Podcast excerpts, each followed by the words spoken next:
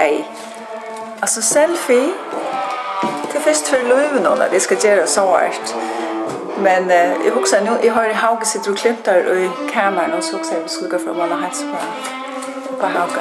Han är också cool.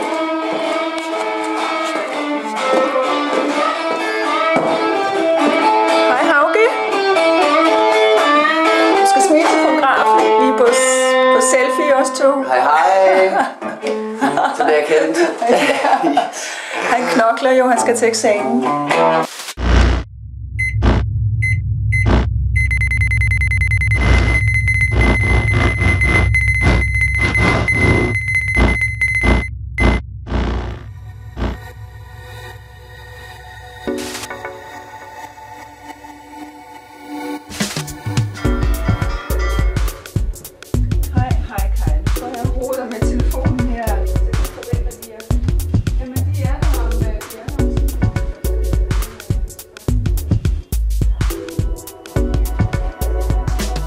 Jeg bygger for Rødåre, sammen med Ola, som er, er med min, og Tauka og Hauka, som er skinner som er.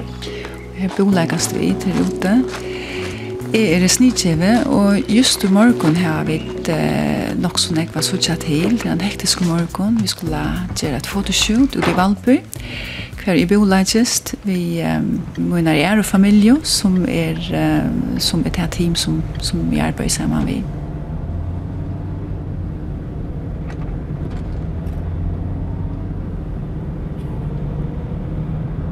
Vi halda til ut av Grøntorsen, 244. Um, Grøntorsen er nok det eneste autentiske industrikvarteret som er etter i Kjepmannahavn. Det har vært øyne større renoveringer i byen, men hette steg er vi finner lov i standa, og ikke noe standa sin drenn. Vi har en leiekontrakt fram til en av desember i år, og så får vi så sutja om vi skulle flytta nedan ifra. Men vi har vært her i cirka fyra år.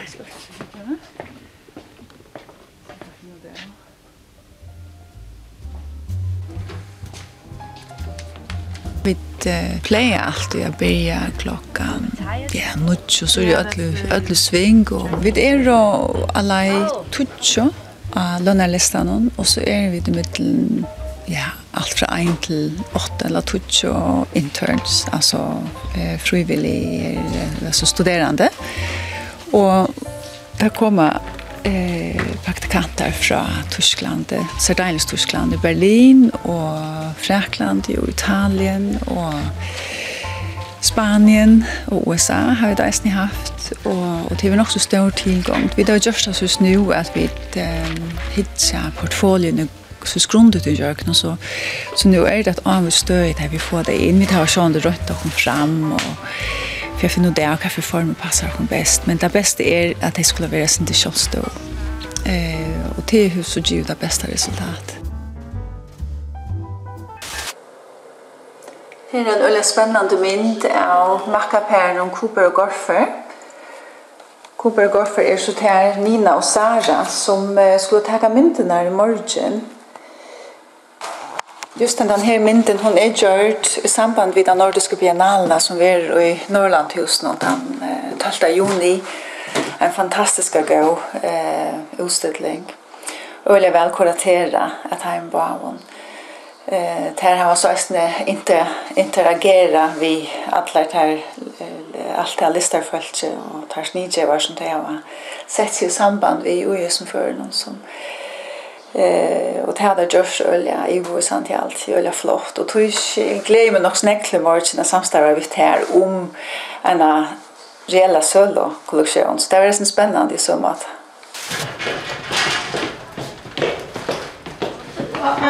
Kom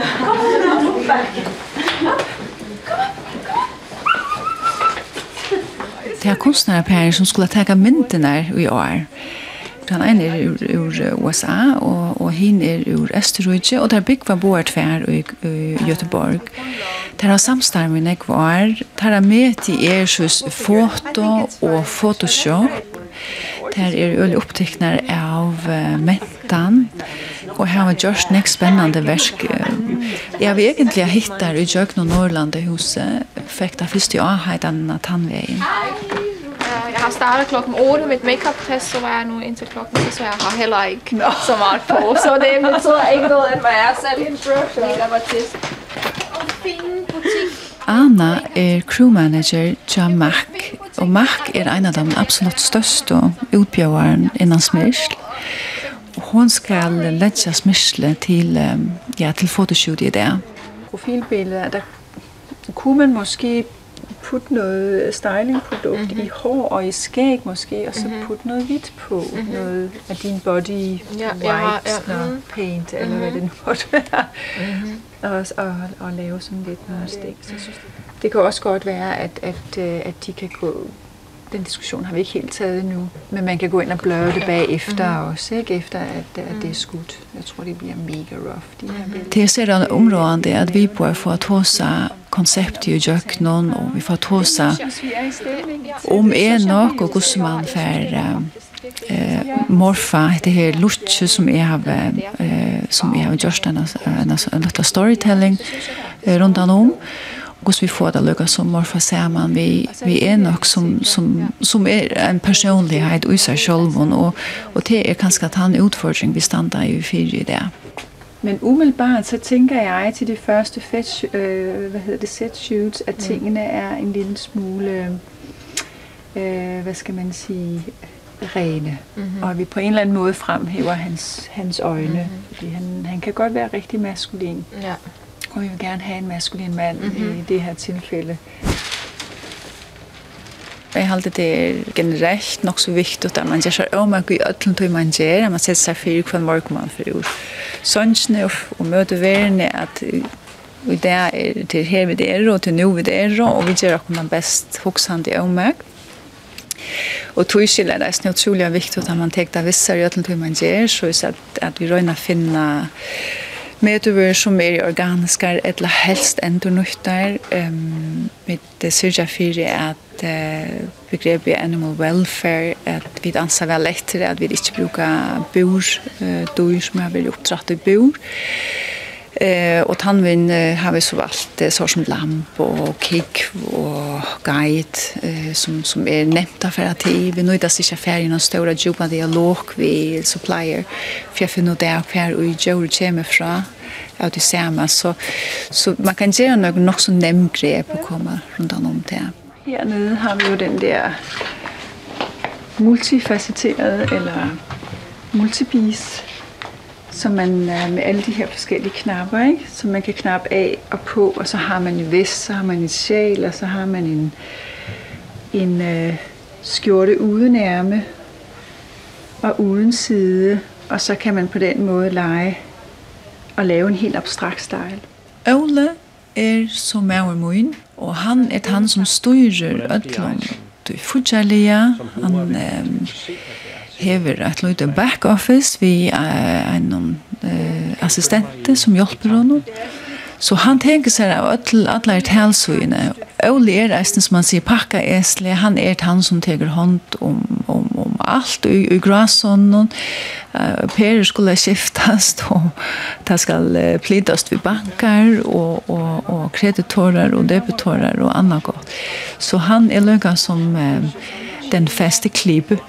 Eh Ole er opprunnalige politister og kommer uh, fra en helt øre miljø. Så Hetta er sera nøgt fyrir jóla. Øh, du skal til Valby.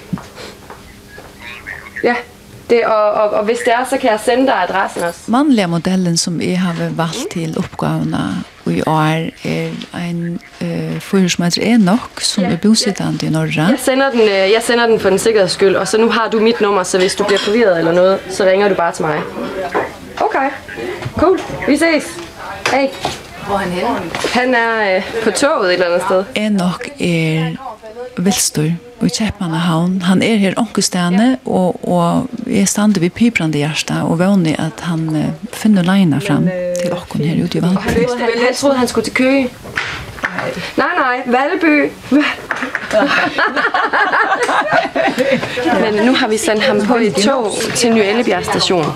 Så enten så skal jeg cykle over efter ham og hente ham der, eller så skal vi sende en bil sige, at han skal ringe til os. Vi sender en bil ud og henter ham. Ja. For ellers så ser vi ham ikke. Jeg ser mig ikke over det.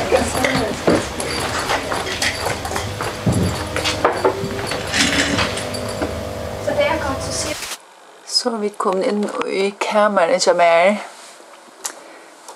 Her henger alt høy klors til morgen. Er kontrollfreak. Det må man si. Jeg har hørt han tenkt nå. Klockan blev nägg och vi hade det är färdig att lägga mig. Och så är det friska morgon. Eh, vi börjar ju tämligen tulliga så... Hi, Hej! Lost in Copenhagen or what? Oh, I got so scared there. My pump was all the way up. Yeah. Och den här ja. Väldigt bra. Ja, gott. Du är Jeg har kan tenk at jeg vant den prisen. eh nog är et sort hjärtabad og vinner av hos någon. Han han är också säljer, han har också säljer en status i norra. Han är vid en reality-program som heter Anno. Och har vi just vunnit en sån här en pris som är Guldgatan the only thing we were think thinking about, and then I can discuss with you, it's not a necessity, but let's have a look at it. I would like to have to godt tænke mig at putte noget hvidt op i din skilning her. Mm. Og måske noget i, i skægget. Oh, then you have two days to wash yourself. yeah. no, don't worry. I'm... I remember in, in uh, after Fashion Week in New York, yeah. I, I actually showered my hair about 15 times oh to try to remove off. the petroleum. I wonder if that's It just took a week at least before I, before I and it felt really strange. I was thinking, you know, just to give you some moisturizer mm -hmm. and cover the small red, you yeah. know, not really completely. You want yeah, um, just yeah. like tweak little sure. somewhere to even out the color, you know, mm. this coloration that's it. And then we will see what what to do. Hvordan ser håret ud øh, endnu, når du tager øh, hestanden ud? Du har også klippet skægget, ikke? Nej. Nej. Nej, det... Då får jag sova. Ja, det är alltid. Det, folk säger alltid, har du klippt skägget? Nej, det har, jag har aldrig haft så långt skägg. Så det är skägg och, ja, det är skägg och hår samman, inte? Jag har inte vaskat hår idag, men jag tror det blir bättre som sådär. Ja. Det blir lite mer fall i det. Ja, nettopp. Cool. Ja, ja, ja. Det är fint. Hjemmeskikk. Så det er bare en stemning så det er bare sier Ja, så bra. Altså, en klok. You guys need someone to step in. Okay. Jeg forstår hva.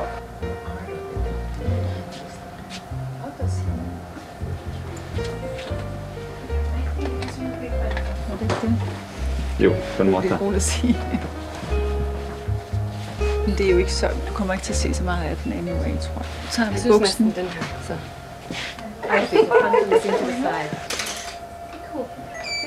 Fashion photography is very much about, mm. well, we're just gonna now jump, now oh, yeah. freeze, now do this, now pose, now don't pose, and stuff like that. Whereas you guys work much more conceptual mm -hmm. with an idea. But I think we'll probably do the lookbook kind of imagery here. I, good idea. And just keep it simple. I and I so. like the idea of like one pose yeah. and just Okay. Yeah. Um, we even had this thought of maybe he should have his eyes closed in every picture or oh, yeah. I don't know, but yeah, something where it's We could maybe do Both. three different mm -hmm. poses that and then one could we could see whether to duplicate yeah. one pose or to so we have the option. Yeah. I don't know.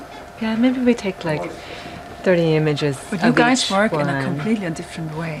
It's I mean Jeg er veldig glad at jeg eh, tok den perioden i Paris nå. Ja. For da fikk jeg øvd meg litt igjen på å være modell. Wow.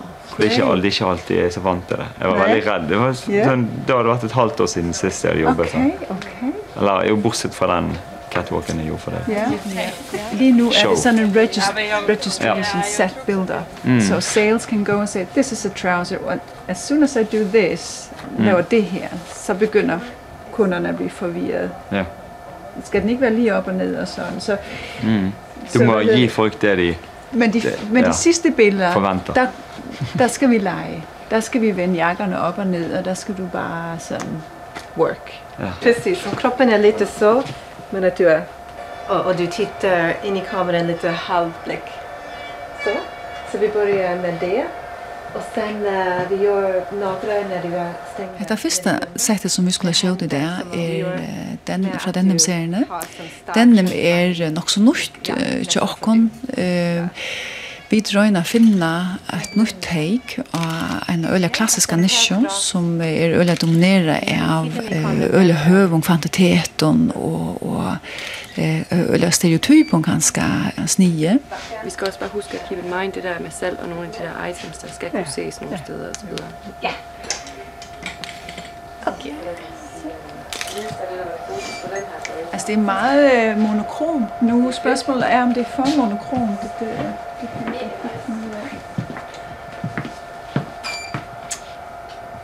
You know, we're seeing it for the first time, and we're seeing it on air now. Come on. How excited can you get?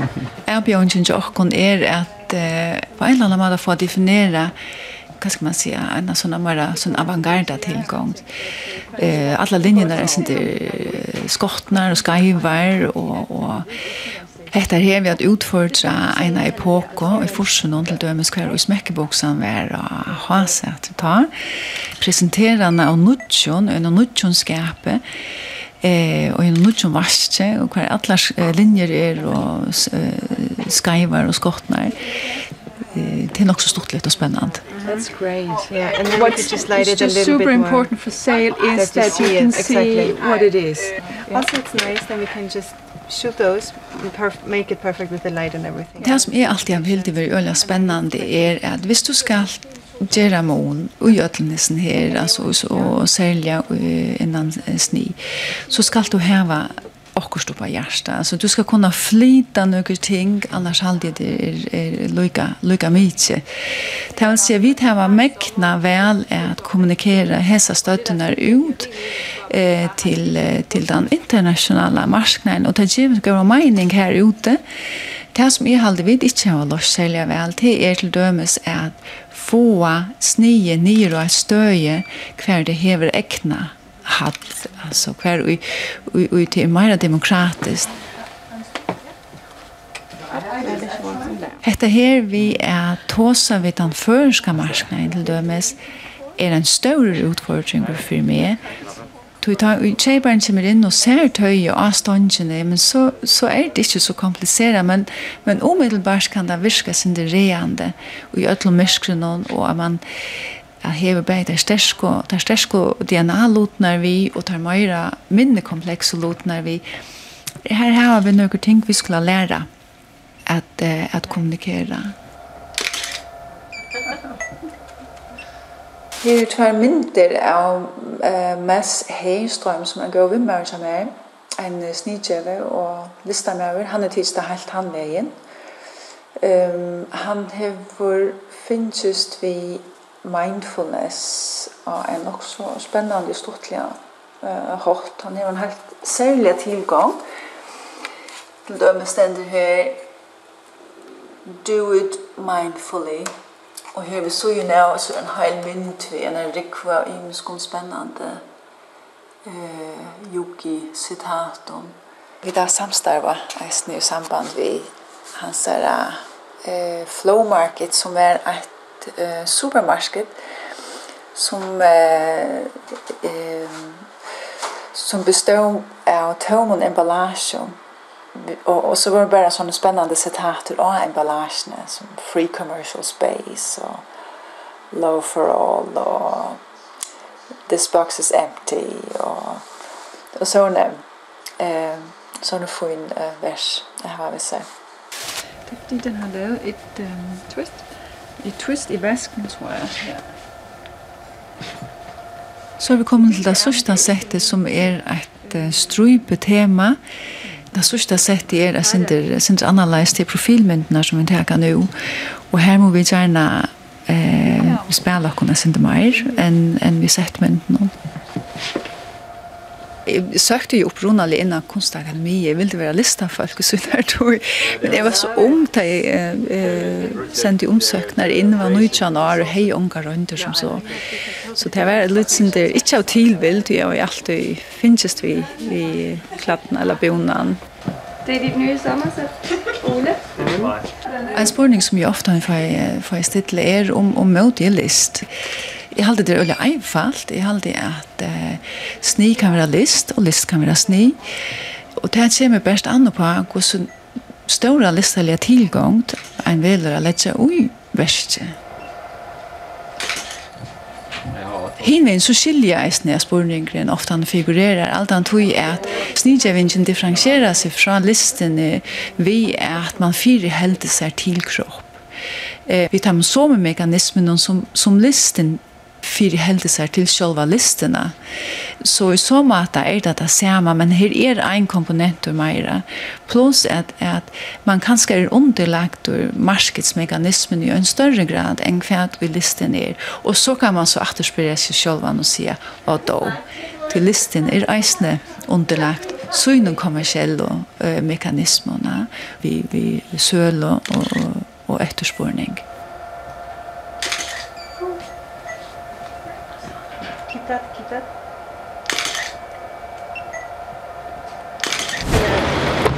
sweetheart. Yes. Thank you. So nice. Nu er klokkan halvgon åtta, og vi har haft en gåan der halvtid. Jeg har gått fornemmelse, og det er noen vi ødler var samstarvast så blei det alltid, og, og det som jeg ser inntil nå er, er ser jeg vel nøkt vi. Så jeg har en fornemmelse av at um, oppgaven er løst.